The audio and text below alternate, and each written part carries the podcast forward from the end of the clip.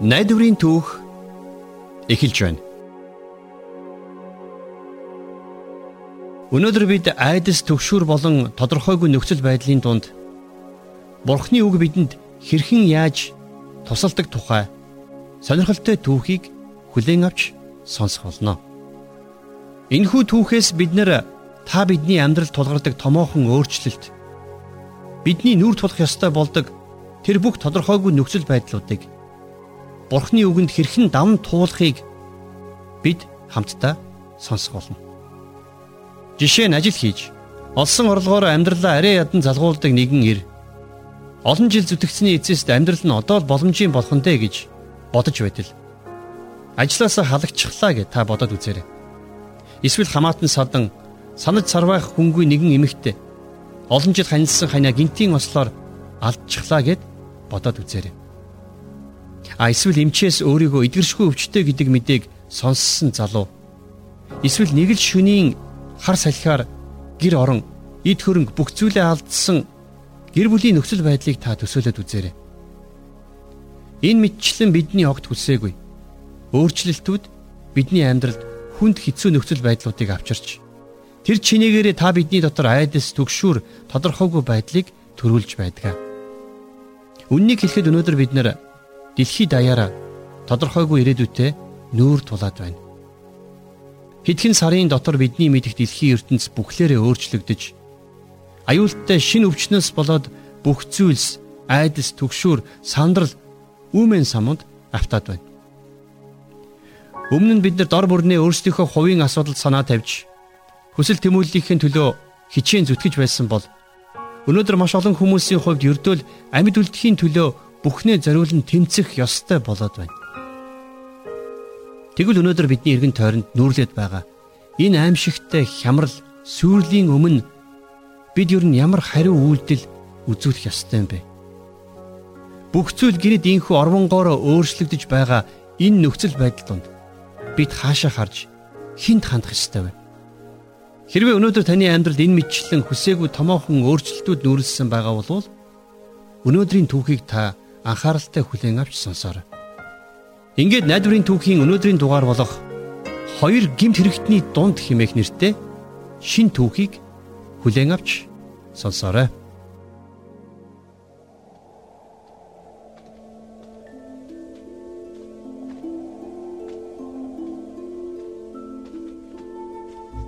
Шашны удирдагчид Есүсийг шүн дөлөөр баривчилж харин Есүсийн дагалдагчид айдас төгшүүр тавтаж Есүсийг орхиод тарж зогтсон билээ.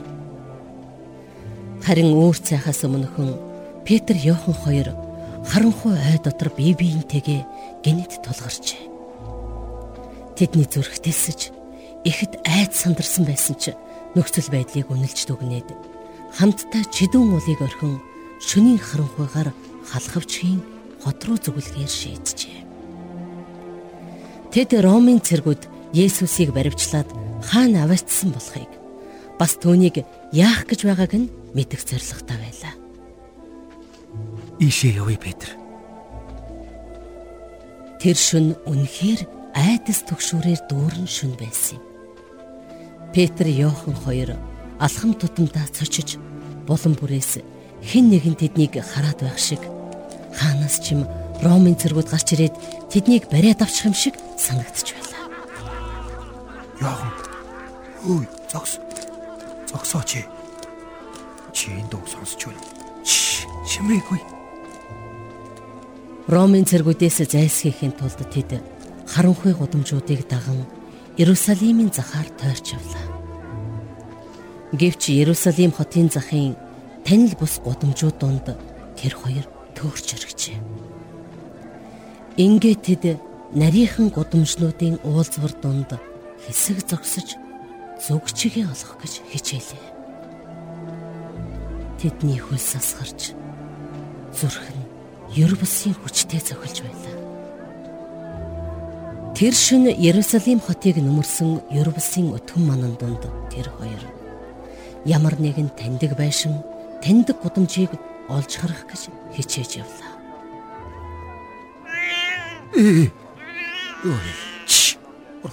Зүгээр л муур байна шүү дээ Ерөөсөө чи эндээ хэсэг хүлээж байна. Ингэж хэлээд Йохан өөр нэг ч үг хэлэлгүй гудамж даган гүйсээр булан тойроод өтгөн манан дунд уусан алга боллоо. Ганцаараа үлдсэн Петр яахаа мэдэхгүй хэсэг ээш тийш тэнэгэлзэн харснаа амьсгаагаан дарж тайвшрах санаатай өвдгөө тулан хэсэг зогслоо. Петр толгоогоо гэлжээлгэн харанхуй ман дундаас ямар нэгэн зүйлийг сонсох гэж хичээсэн боловч юу ч сонсогдсонгүй. Ганцаараа байхаас төгшөж төвчээр алдсан Петр Йоохны явсан зүгийг чиглэн алглаа. Ингээд яг булан тойрох мөчөд Петрийн өмнөөс нэгэн хүн гинт гарч ирж тэд халз мөргөлдлөө. Яа. Петрэ зам хараач дээ. Зүрх зогсоочих шахлаа. Чи бидний хаана байгааг мэдчих чадваа. Чамаг Иерусалимыг нүхэлж гисэн гарын алга шиг л мэддэг гэж бодож байтал үгүй юм шүү. Би хизээч тэгж хэлж байгаагүй шүү. Гэхдээ ямар ч байсан бид хаана байгааг мэдчих шиг боллоо. Ишэ намайг дагаад яваарай.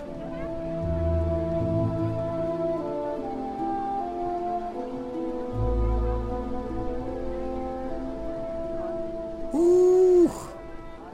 Чи одоо ямар гээ чи муухай өндөр вэ? Петр. Аяархан ярил та.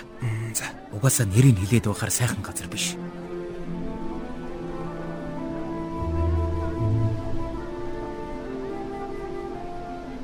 За энэ гудамжийг би яг санаж байна.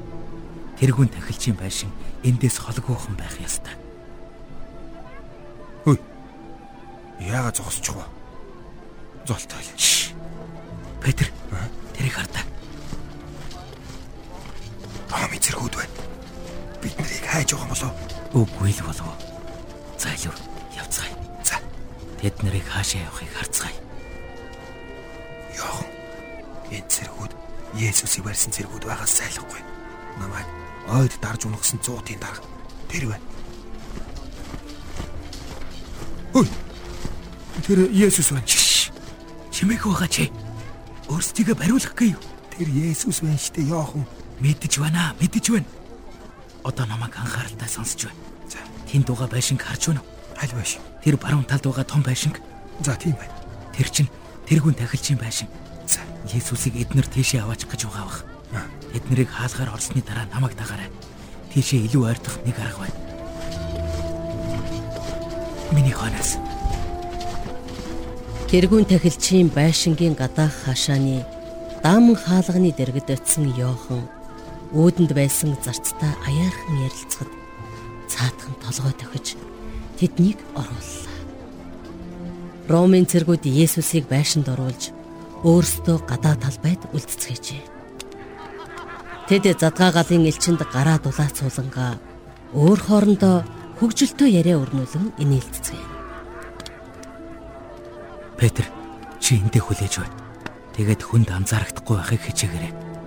Би байшин руу нэвтэрч чадах эсхийг үзээд ирье. чи ч солиорч юу? Хоёуланг маань бариад авч идэх юм байгаа үсттэй. Би удахгүй хүрээд ирнэ. Чи зүгээр чимээг өөхөн нүрээ нугаад сууж бай. Ромын цэргүүдээс холхон байж үзээрэй. Нүрээ нугаад Ромын цэргүүдээс холдоод. За за, хурлаарай. За за.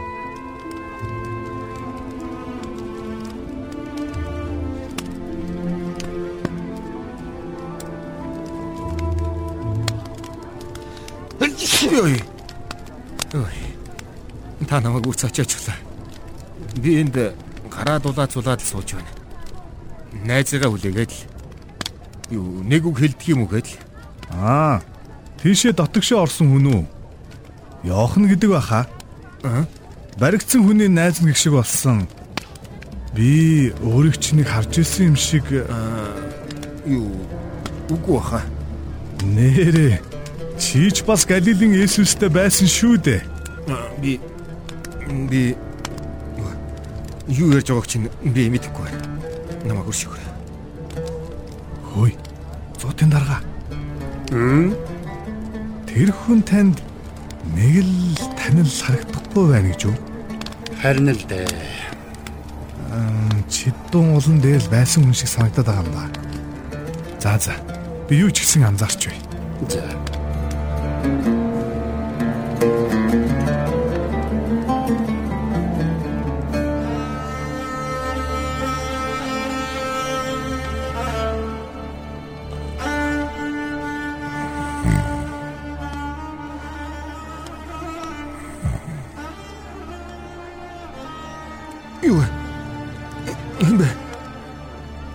미안해.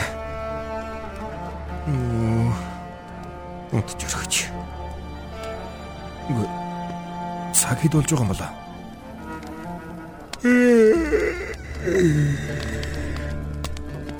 Яахан дотор байсаар л байгаа бах та. Тий, тий, тий, тий. Яасан хүүт юм бэ? Нэрэл хүүтэн байна шүү. Та дахиад намайг цоч очихлаа. Алим наашир. Чи их даарсан харагдаж байна. Үгүй аля. Та чинь яаж вэ? Ой ой байж байгаа. Би зүгээрээ зүгээрээ. Гараа дулаацуулмаар л байгаа үсттэй. Зуутын дарга төдийн дэргэд нэг зай гаргаатгаач. Үгүй үгүй. Би зүгээрээ зүгээр дараагүй. Чи намайг нэг л танихгүй байх шиг байгаад байна та. Гэхдээ хоёулаа өмнө нь уулзаж байсан санагдаад байх юм. Би би таны юу яриад байгааг нэг л ойлгохгүй байна. Тэр баривчлагдсан хүн Назарын Есүс.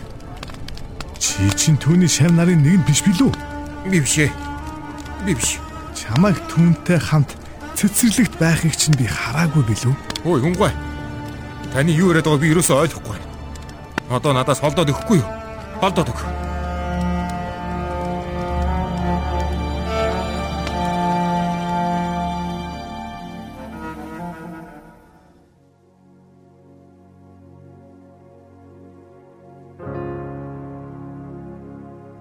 Найдварын түүхтэй хамт байгаа сонсогч танд баярлалаа.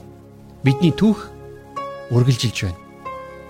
Шашны удирдагчид Есүсийг шүн төлөөр баривчилж гинжлэн хорьсон. Харин түүний хоёр дагалдагч болох Петр, Иохан нар тэднийг холоос даган ажиглаж байжээ. Шашны удирдагчид болон Ромын цэргүүд Есүсийг хаана аваачиж яах гэж байгааг олж мэдхийг тэд хүсэж байлаа. Ингээд Иохан Есүсийг байлгаж байгаа байшин руу нэвтрэх арга сүвгжилж байх зур Петр гадаа талбайд ганцаараа байж Ийхүү Иохныг хүлээж байхад нь хүмүүс Петрийг Есүстэй холбоотой эсхийг нь байцааж харин Петр 3 удаа Есүсийг үгүйсгэсэн байдаг. Харамсалтай нь өөрийг нь Петр 3-даа үгүйсгэх болно гэдгийг урд оройн Есүс аль хэдийнэ түүнд хэлж байсан билээ. За ингээд Библи тэмдэглэгдэн үлдсэн энэхүү түүх цаашид хэрхэн өрнөхийг одоо хамтдаа сонсцгоё.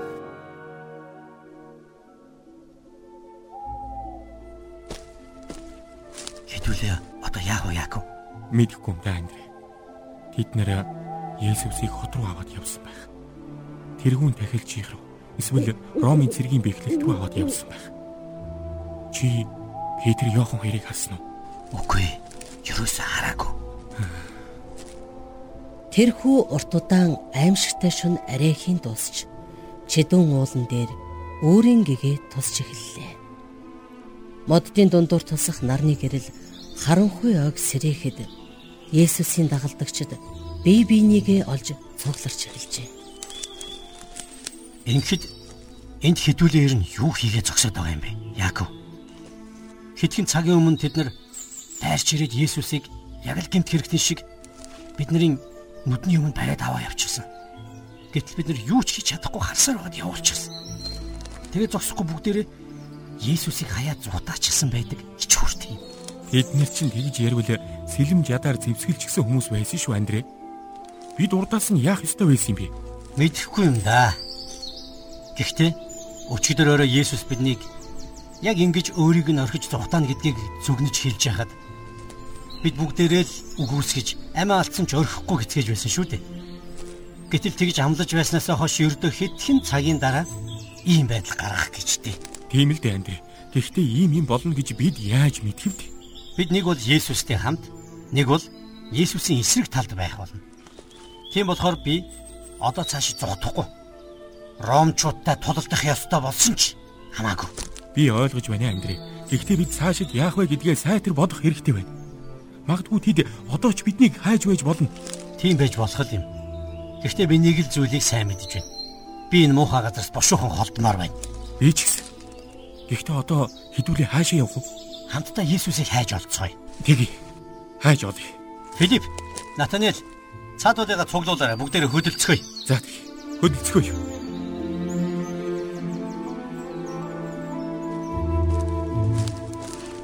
Андрэ, хэдүүлээ эхлээд хаашаа явбал дээр вэ? Бид нар Есүсийг Ромын цэргийн бэхлэлт рүү аваачсан гэдэгт чи итгэлтэй байна уу? Сайн мэдэхгүй л байна.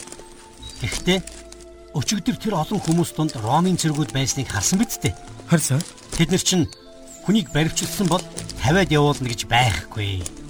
Гэхдээ л ямар нэгэн хорон юм болоод байна да. Ромчуудыг оролцуулсан гэд бодохоор яавч жирийн хэрэг биш. Энэ юу ч юм бэ? Шуу юу?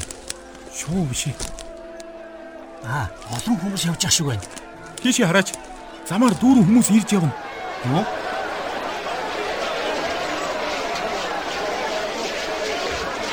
Энд юу болоод байгаа юм болоо? Мэдэхгүй. Уучлаарай эмэгтэй. Энэ олон хүн яагаад хот руу яарч яваад хилээд өгөөч. Хөөе, хүмүүсээ. Та нар хаашаа явж байгаа юм бэ? Юу болоод байгаа юм бэ? Яагаад явж байгаа юм бэ? Хэлээд өгөөч. Энд юу болоод байгааг хилээд өгөх хүн байна уу? Андрэ! Андрэ! Андрэ, наашир. Чи ямар нэг юм сонсвоо? Би сая хуучны танилтайгаа таарад асуулаа. За, Есүсийг баривчилсан тухай мэдээ өнөө өглөөнөөс эхлээд хаасайгүй тарж эхэлсэн байна. Тэгээд тэд Есүсийг өнөөдөр захирагчийн өмнө аваач гэж байгаа юм байна. Тэнд шүүх хурал болох юм байх. захирагч захирагч Пилатын өмнө үү? Тэр энэ цуу яриг хаанаас сонссон юм болоо? Мэдсэнгүй. Гэхдээ ямар ч байсан Есүстэй л холбоотой юм байна. Шүүх хурал нь тэгэд хизээ болох юм бол Мэдсэнгүй. Ямар ч байсан өнөөдөр болно гэдгийг л мэдэж чадлаа. Өнөөдөр чинь тэр байна. Царын Есүсийн нь тэнд байна. Алив Андрэ, хот руу орцгоё. Ушуухан явж Есүсийг олцгоё. За за тгий тгий. Харамсалтай тэр өглөө харвсан сүм шиг өнгөрчээ. Дагалдагчид хотын гудамжаар хөл тавих зайгүй шавсан хүмүүсийн дунд гацчаад цаашаачгүй наашаачгүй болчихсон байлаа. Үндэ тэд Есүсийг хаанаас хайхаач мэдэхгүй байсан юм. Есүсийг сүмд байлгаж байгаа байхаа гэж Яаков таамаглаж байсан бол Ромын цэргүүд Есүсийг Антонио бэхлэлт рүү авэйцсан байх гэж Андрей зүтгэж байлаа. Есүсийг баривчлах үед тэрүүн тахилчийн зарцах хамт байснаас үзвэл тэд шууд тэрүүн тахилчинд авэйцсан байх гэж Натаниэл таамаглаж байлаа. Ингээд тэднийг ширүүн маргаж эхлэх үед Филипп тэдний маргааныг тасалж бүгд салж өөр өөрийн таамаглаж байгаа газар руугаа явах нь зүйтэй гэсэн саналыг гаргажээ. Гэвч Филиппийн энэ санаа Яаков таалагдсангүй. Ийм чухал цагт бүгд хамт байх ёстой гэж тэр үзэж байлаа. Нэгэнт Петр, Иохан хоёр байхгүй тул бусд нь Яаковын үгийг дагахаас аргагүй болжээ. Ингээд Яаков олон төмний дундуур зүтгэсээр сүм рүү зүгэлэхэд бусд нь ч араас нь дагжээ. Гэвч Яаковын буруу байлаа. Тэд олон төмний дундуур зүтгэсээр цаг гаруй явсны эцэст сүмд ирсэн боловч тэнд хинч байсангүй. Сүмийн өөдөнд тэд дахин нэг зөвлөлдөж аваад эргээд хурсан олны дунд зүсэн орж зам гархан түлхсээр тэрүүн тахилчийн гэрлүү явцгаажээ.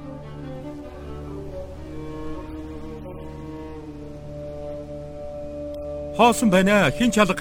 Гэхдээ энэ түүдэг галын нурмыг хардаа. Натанелийн зүв байж. Энд үрчин гарцаагүй хүмүүс байсан байна. Одоо хідүүлээ хайчих уу? Бид Есүсийг алдчихлаа. Уг нь шүүх хурал болохоос өмнө амжиж олно гэж найдаж байсан юмсан. Харин тийм ээ. Яаков. Гэхдээ бид хэтэрхий оройтсон байхыг гэж бас айж байна. Энэ олон төмний баярлан уухайлах чимээг сонсож байна уу? Антонио бэхлэлтээс гарч байгаа шиг байна. Тэнд хүмүүс яагаад шүгэлдээд байгаа юм бол? За. Чиний зүг бололтой. Залуусаа явцгаая.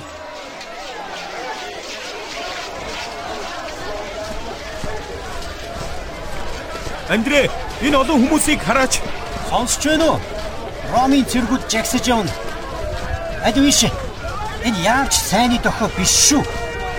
Андрэ, хүлээ. Андрэ! Андрэ! Буцаад ирээ. Уучлаарай. Гэрүүтгий. Уучлаарай. Уучлаарай. Андрэ! Андрэ! Андрэ! Андрэ! Андрэ! Эргээд ирээ. Сэргүүд жагсаалаасаа гарч хүмүүсийг буцааж түлхэж байна. Андрэ! Юу гинэ Яков? Энэ олон цэргүүд яах гэж явж байгаа юм бол? Наашра Андрэ! Замаас нь бошуухан холдохгүй бол гიშгүүлэх нь байна. За за за. Тэнд хамны дэргэд уулзцгаая. За! Тэгье!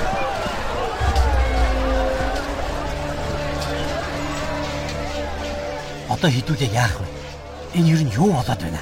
Ямар нэгэн үүмэн самун болох гээд байх шиг байна. Тэгээд л Ромын цэргүүд хүчээ нэмэгдүүлж байна. Хэдэн зуун цэрэг байх шиг байна шүү. Бүгдээрээ бүрэн зэвсгэлжсэн байна. Тийм болохоор хідүүлээ маш болгоомжтой байх хэрэгтэй. Хөөе! Хүй! Хүчийг наа замаа хараа л да. Хүмүүргөд байх юм. Яков, Йохан, Йохан, чи юу? та нарыг ингэж болдог байжээ. Золтой л өнгөлцөг хагарч гисэнгүй. Чамайг Ромын цэргэл юм байх гэж бодлоо. Тэгсэн гэж юу? Чамаа харах сайхан байна шүү. Гүчи хаана байваа? Би Есүсийг баривчлагдсанаас нь хойш л дагсаар байгаад таарлаа. Ёстой хаимшигтай юм боллоо. За, юу болсныг бүгдийг яриад байгаарай. Ихтэй нэр Нэрээ юу гэж чи Петрийг харсан уу? харалгүй яах вэ?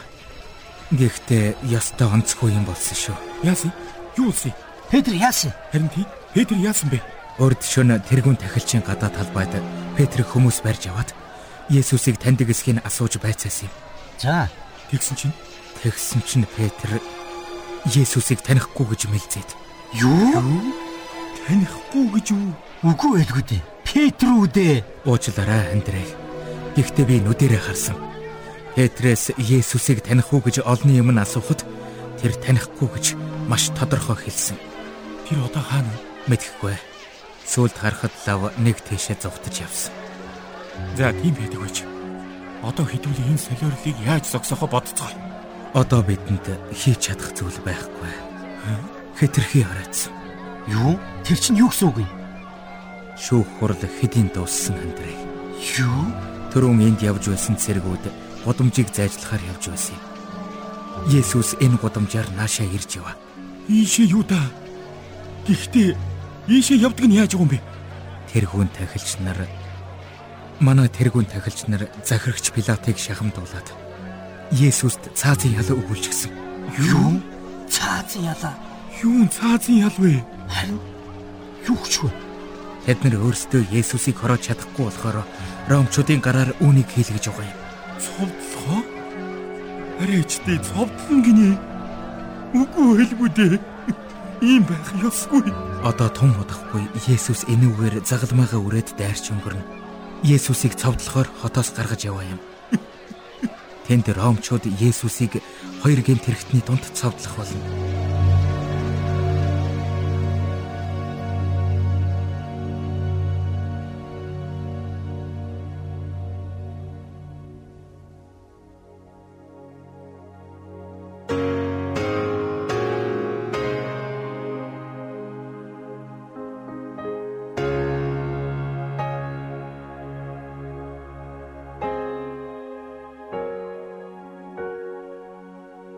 Эдийгээр та бид нар гим нүгэлтэд сул дорой боловч Бурхан та бидэнд гим нүглээ уучлуулах арга замыг нээж өгсөн юм а. Тэр зам бол Бурханы амьд үг болсон Есүс Христ. Чухамдаа энэ шалтгааны улмаас Бурхан Есүс Христийг Тэнгэрээс газар дэлхий рүү биднэрт илгээсэн. Есүс Христ нүгэлтнүүдийг аврахаар ертөнцид ирсэн хэмээн дагалдагч Паул тунхаглан бичсэн байна. Есүс энэ дэлхийд ирээд та бидний гим нүглийн төлөө загалмай дээр амиа өгсөн. Ингиж Есүс Христ бидэнд гим нүглээ уучлуулах замыг нээж өгсөн юм. Би одоо Бурханд хандан нэгэн чин сэтгэлийн залбирлыг хийх гэж байна. Та намайг сонсоод надтай хамт залбираарай. Бурхан минь ээ. Миний аврагч болгохоор та өөрийнхөө Есүсийг дэлхий рүү илгээсэнд баярлалаа. Би өөрийн гим нүглийг танаар уучлуулах энэхүү гайхамшигтай замын талаар илүү мэдхийг хүсэж байна. Та надад туслаарай. Есүсийн нэрээр залбирч байна. Амен. За одоо та надтай хамт залбираарай. Ингэж залбирахдаа та мэдээж чин зүрхнээсээ бурханд хандаарай. Бурхан минь ээ. Миний аврагч болгохоор өөрийн хүү Есүсийг илгээсэнд баярлалаа. Би өөрийнхөө гим нүглийг танаар уучлуулах энэ гайхамшигтай замын талаар илүү мэдхийг хүсэж байна. Та надад туслаарай. Есүсийн нэрээр залбирч байна. Амен. Ингээд дараачихаа найдварын түүхээр эргээд уулзцаая.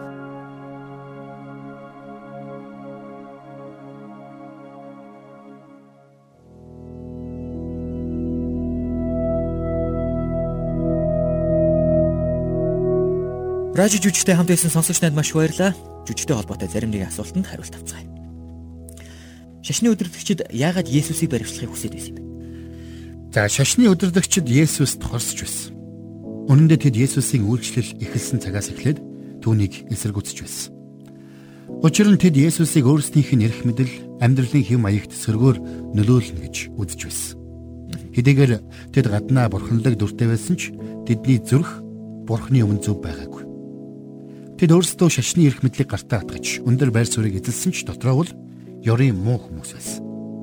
Хэдийгээр тэд Есүстэй хэд хэдэн удаа зөрчилдөж байсан ч Есүсийн үйлчлэлийг саатуулж таслан зогсоож ерөөсөж чадахгүй байсан. Тиймээс тэд эцсийн аргаа хэрэгэлсэн нь Есүсийг зайлуулах явдал байсан. Тиймээс тэд Есүсийн амийг хөнөөхийн тулд түүнийг баривчилсан байдаг. Шашны өдөртөгчд яагаад Есүсийг заавал шөнөөр баривчилсан юм бэ? Есүс энгийн ард иргэдийн дунд маш их нэр хүндтэй байсан. Түүнийг Аманын сургаалаа айлдах бүрд маш олон хүмүүс цогцолдог байсан. Тиймээс ч шашны удирдагчид гигэн цагаан өдөр олонний нүдэн дээр Есүсийг баривчилж олонний дургуутлыг төрүүлэхээс болгоомжилсан. Тэд Есүсийг шөнөөр баривчилсан нь ийм л учиртай байсан. Яагаад шашны удирдагчид Есүсийг баривчилж шүүхтэй Ромын цэргүүдийг ашигласан юм бол? Шашны удирдагчдын туйлын зорилго нь Есүсийг хөнөөх явдал байсан юм. Гэвч Ромын хуулийн дагуу тэдэнд үүнийг үйлдэх эрх мэдэл байгаагүй. Ягд гэвэл зөвхөн ромчуудад л ийм эрх мэдэл байсан. Тиймээс шашны удирдагчид Есүсийг баривчлахдаа Ромын цэргүүдээс туслалцаа хүссэн байна. Сонирхолтой нь тэрүүн тахилчдын илгээсэн хүмүүс болоод фарисеучуд Есүс болон түүний дагалдагчдыг хайж Гетсман цэцэрлэгийг нэгжиж байхдаа Ромын цэргийн багийг дагуулж явсан тухай хэлж Йохан тэмдэглэж үлдээсэн байна. Цэргийн баг гэдэг нь 300-аас 600 цэргийг багтаасан тухайн үеийн Ромын цэргийн албан ёсны нэгж байсан. Эндээс үзэх юм бол тэр шөнө Есүсийг баривчлахын тулд маш олон цэрэг дайчлагдсан болох нь илэрхий байна. Петр үнэхээр Есүсийг үгүйсгэсэн гэж үү? Тийм ээ. Петр үнэхээр Есүсийг үгүйсгэсэн. Тэр үйл явдал болохын урд оройн Есүс дагалдагч нартайгаа сүүлчийн зоог барих үедээ "Үннээр би чамд хэлье. Энэ шөнө азарган дахиад онготхоос өмнө чи намайг гурвантаа үгүйсгэнэ гэж Петрт ил шулуухан хэлсэн байдаг. Тэр шөнө Есүсийг тэргүүн тахилчийн гэрт байх үед Петр гадаа талбайд нь очисон байна. Тэр үед нэгэн шивгчэн охин Петрийг Есүсийн дагалдагч мөн эсхийг нь асуухад Петр үгүй гэж бодлоо ярьсан. Петр тэр охинд юу ярьж байгааг чинь би мэдэхгүй байна гэж мэлдсэн. Дараа нь өөр нэг шивгчэн охин Петрийг Есүстэй хамт байсныг нь харсан гэж хэлэх үед Петр асал үгүйсгэсэн. Гурав дахь удаага өөр нэгэн хүн тэрэн дээр очиод чи гарцаагүй тэдний нэг мөн ярианаас чинь л элт байна гэж хэлэхэд Петр хараал урсган байж би энэ хүнийг танихгүй гэж үгүйсгэсэн байдаг. Эндээс үзэх юм бол Петр үнэхээр Есүсийг гурван удаа үгүйсгэсэн байна. Петр яагаад Есүсийг мэддэг гэдгийг үгүйсгэсэн бол? Тэр шөнө яагаад Петр Есүсийг үгүйсгэсэн бэ гэдэг надад одоо ч хачиргалтай санагддаг. Уг нь бол Петр дагалдагч нарын удирдагч байсан. Тэр өмнө нь маш олон тохиолдолд эр зоригтойгоор өөрийн итгэл үнэмшлийг хамгаалж байсан. Гэвч тэр нэгэн шүн яагаад ч юм түүний эр зориг алгуулсан. Тэгээд түүдэг галын дэргэд сууж байхдаа Петр Есүсийг нэг удаач биш бүр 3 удаа үгүйсгэсэн. 3-ын 3 удаа. Петр яг яагаад ингэх болсон юм бэ? Үүний шалтгаан нь энэ үйл явдлын өмнөх оройн тэдний хамтдаа барьсан сүүлчийн зоогтой холбоотой гэж би бодож байна. Зоогийн үеэр Есүс дагалдагч нартаа тэр шүн тэд өөрийн үгс гэж тарж бутар нь зогтох болно гэдгийг урдаас хэлсэн байсан. Гэвч тэр үеэр Петр би тантай хамт үхэх ёстой болсон ч таныг үгүйсгэхгүй гэж бардмсан. Петр өөртөө хэтэрхий итгэлтэй байсан. Тэр өөрийгөө хэтрүүлж үнэлсэн. Тэр бурхнаас тусламж хүсхийн оронд өөрийнхөө хүч чадалд найдаж байсан. Бид ч бас хүчтэй уруу татлах сорилтын өмнө өөрсдийн хүч чадал, авьяас чадварт найдах бас харин бурхны хүч чадалд итгэж найдах нь чухал юм шүү. Есүсийг мэддэг гэдгээ үгүйсгэж худлаа хэлсэндээ Петр харамссан болов уу? Тэр гимшиж бурхан руу эргэсэн болов. Тийм ээ. Петр Есүсийг үгүйсгэсэндээ маш их харамссан. Тиймээс ч тэр бурханы өмнө эргэж очиод бурханаас уучлал өршөөлийг гуйн залбирсан. Би хувьдаа бурхан Петрийг сэхэрүүлж түүнийг Есүст итгэх итгэл рүү эргүүлэн буцаахын тулд хэд хэдэн зүйлийг ашигласан гэж боддог. Нэгдүгээрт Петр хараад урсган байж Есүсийг үгүйсгэх үед дахиад донготсон байдаг. Энэ нь Петрийн зүрх рүү худаг зоох мэт санагдсан гэж би боддог. Учир нь тэр дахианд Петрт урд оройн Есүсийг хэлсэн үгийг сануулсан. Хоёрдугаарт яг ийм үйл явдал болж байх үед цэргүүд Есүсийг аваад тэндээс гарч явж таарсан. Тэр үед Есүс Петр хоёрын харц тулгарсан байдаг. Магадгүй тэрхэн мөчөд Есүс Петртэй харцаараа ярьсан байх. Тэр үед Есүс Петрт "Петр, би чиний юу хэлхийг сонссон. Би чамайг хараад урсган байж, намайг өгүүлсэхийг сонссон." Гэхдээ Петр, "Чи над руу хэрэг. Би чамд одоо ч хайртай. Чанд надад чамаар хийлгэх чухал ажил байна" гэж хэлсэн баха. Ямар ч тач Петр дахиад донгодхоос өмнө Чи намайг гурвантай үгүйсгэн гэж өөрт нь айлдсан эзний үгийг санаад гадагш гарч гашуунаар уйлав гэж Библиэд бичигдсэн байдаг. Есүсийг өглөөс амилсан тэр өглөө хэсэг эмэгтэйчүүд Есүсийн цогцыг тослохын тулд түүний булш руу очисон байдаг. Гэтэл булшны амийг дарсан байсан том чулууг өнхрүүлэн холдуулсан байхыг тэд харсан. Тэр үед Тэнгэр элч тэдэнд Есүсийг амилсан болохыг хэлсэн. Улмаар Тэнгэр элч тэдэнд тэр амилсан. Тэр энд байхгүй харагтун түүнийг тавьсан газар энэ байна. Харин явж түүний шавнарт болон Петрт тэр та нараас түрүүнд Галил руу явсан тул айлдсныхын дагуу тэнд та нар түүнийг харах болно гэж хэл гэж тушаасан байдаг. Яагаад энд түүний шавнар болон Петр гэж онцлсан юм бол? Яагаад энд Петрийн нэрийг тусад нь хэлв? Петр ч бас шавнарын нэг биш үү? Яагаад Тэнгэр элч эмэгтэйчүүдэд явж түүний шавнарт хэл гэж хэлээг юм.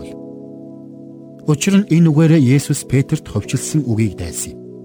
Энэ үйл явдлаас хэд хоногийн дараа Есүс Галил нуурын ирэг дээр шүнжин загасчлаад юу ч барьж чадаагүй долоон дагалдагч нартайгаа хамт түүдэг гал асааж өглөөний цай бэлдсэн байдаг. Тэр түүдэг галын үнэр Петрт тэр нэгэн шүнийг санагдуулсан ч байж болох юм. Ямар ч тач тэр өдөр түүдэг галын дэргэд Есүстэй хамт сууж түүнтэй хамт хооллосноор Петр эргээд сэргсэн юм. Тийхүү Есүс түнд явж өөрт нь үйлчлэх тушаалыг өгсөн байдаг. Бид өнөөдөр ч Есүсийг үүсгэх боломжтой юм. Тийм ээ. Бид өнөөдөр ч Есүсийг үгүйсгэх боломжтой. Үнэн дээр альва хүнд Есүсийг үгүйсгэх маш олон арга зам бий. Тэдгээрийн дундаас хамгийн ноцтой нь түүнийг аврагчаа болгон хүлээн авч түүнийг дагахаас татгалзах явдал юм. Есүс энэ дэлхий дээр ирээд гэм зэмгүй амьдралаар амьдарч Ромын загалмай дээр та бидний гэм нүглийн төлөөсийг түлхэхийн тулд амиа өгсөн. Тиймээс энэ л эзэнд итгэхээс татгалзаж түүнээс нүүр буруулна гэдэг нь түүнийг үгүйсгэх маш ноцтой хэлбэр юм. Цаашилбал бид түүний төлөө амьдрч чадахгүй байх үедээ түүнийг үгүйсгэж байдаг. Түүний үг тушаалуудыг сахиж чадахгүй байх үедээ түүнийг үгүйсгэж байдаг. Тиймээс Илч Иохан нэгэнтээ түүнийг би мэднэ гэж хэлээд түүний тушаалуудыг сахидаггүй нь худалж бөгөөд түүнд үнэн алга. Түүний дотор оршдог гэж яригч нь Түүний явсанчлан өөрөө бас тийм явах учиртай гэж бичсэн байдаг. Амьдралдаа Есүсийг үгүйсгүй байхын тулд би яах ёстой вэ? За энэ асуултыг асуусан танд маш их баярлалаа. Итгэгч бидний хувьд эзэн Есүсийг үгүйсгэхгүй тулд хэд хэдэн алхмыг хийж болно гэж би боддог. Юуны түрүүнд бид өдөр бүр түүнд хандан залбирах хэрэгтэй. Бид түүнтэй ярилцаж, түүнээс тусламж гуйдаг байх хэрэгтэй. Эзэн Есүс өөрөө бидэнд биднийг уруу татлагад бүү автуулаач ёрын мугаас гítэлгээч гэж залбирахыг заасан байдаг. Чухамдаа бид энэ л залбирлаар өдөр бүр залбирах учиртай. Мөн бид өдөр бүр бурхны удирдамжид итгэж найдан амьдрах учиртай. Цаашлуул бид эзний үгийг өдөр бүр унших хэрэгтэй. Ингэснээр бид бурхантай илүү ойр байж чаддаг. Бидний амьдрал бурхнаас бүрэн хамааралтай гэдгийг бид өдөр бүр ухамсарлан амьдрах нь чухал. Элч Паул нэгэнтээ бид түүний дотор амьдарч хөдөлж оршин тогтдог гэж тунхагласан байдаг. Тиймээс бид амьдралынхаа алхам тутамд Есүс Христэс зуурдаг байх нь чухал юм. Илч Паул мөн Галаат загталтаа амьд байгаа нь би биш харин миний дотор амьдардаг Христ юм. Эд үгээ мах боддоо миний амьдарч байгаа нь намайг хайрлаж, миний төлөө өөрийгөө өргөссөн Бурхны хүүд итгэх итгэлээр амьдарч байгаа хэрэг юм гэж бичсэн байдаг. Үнэхээр бид итгэлийн амьдралынхаа өдөр бүр Есүст итгэх итгэлээр алхаж түүний удирдамжид түшиглэн амьдрах учиртай юм. Би өөрөө томгүй болсон нүгэлүүлсэн хүн л дээ. Бурхан намайг өршөөж өөрчлөх болов. Бидний аврагч Есүс Христ бол ямар ч аимшигтай гим нүгэлтнийг уучлан өршөөж авралдаа багтааж чадах гайхамшигтай аврагч юм. Үнэн дээр биднийг ямар ч ноцтой үйл үйлдсэн байхаас үл шалтгаалаад Бурхан бид нарыг аврахыг хүсдэг.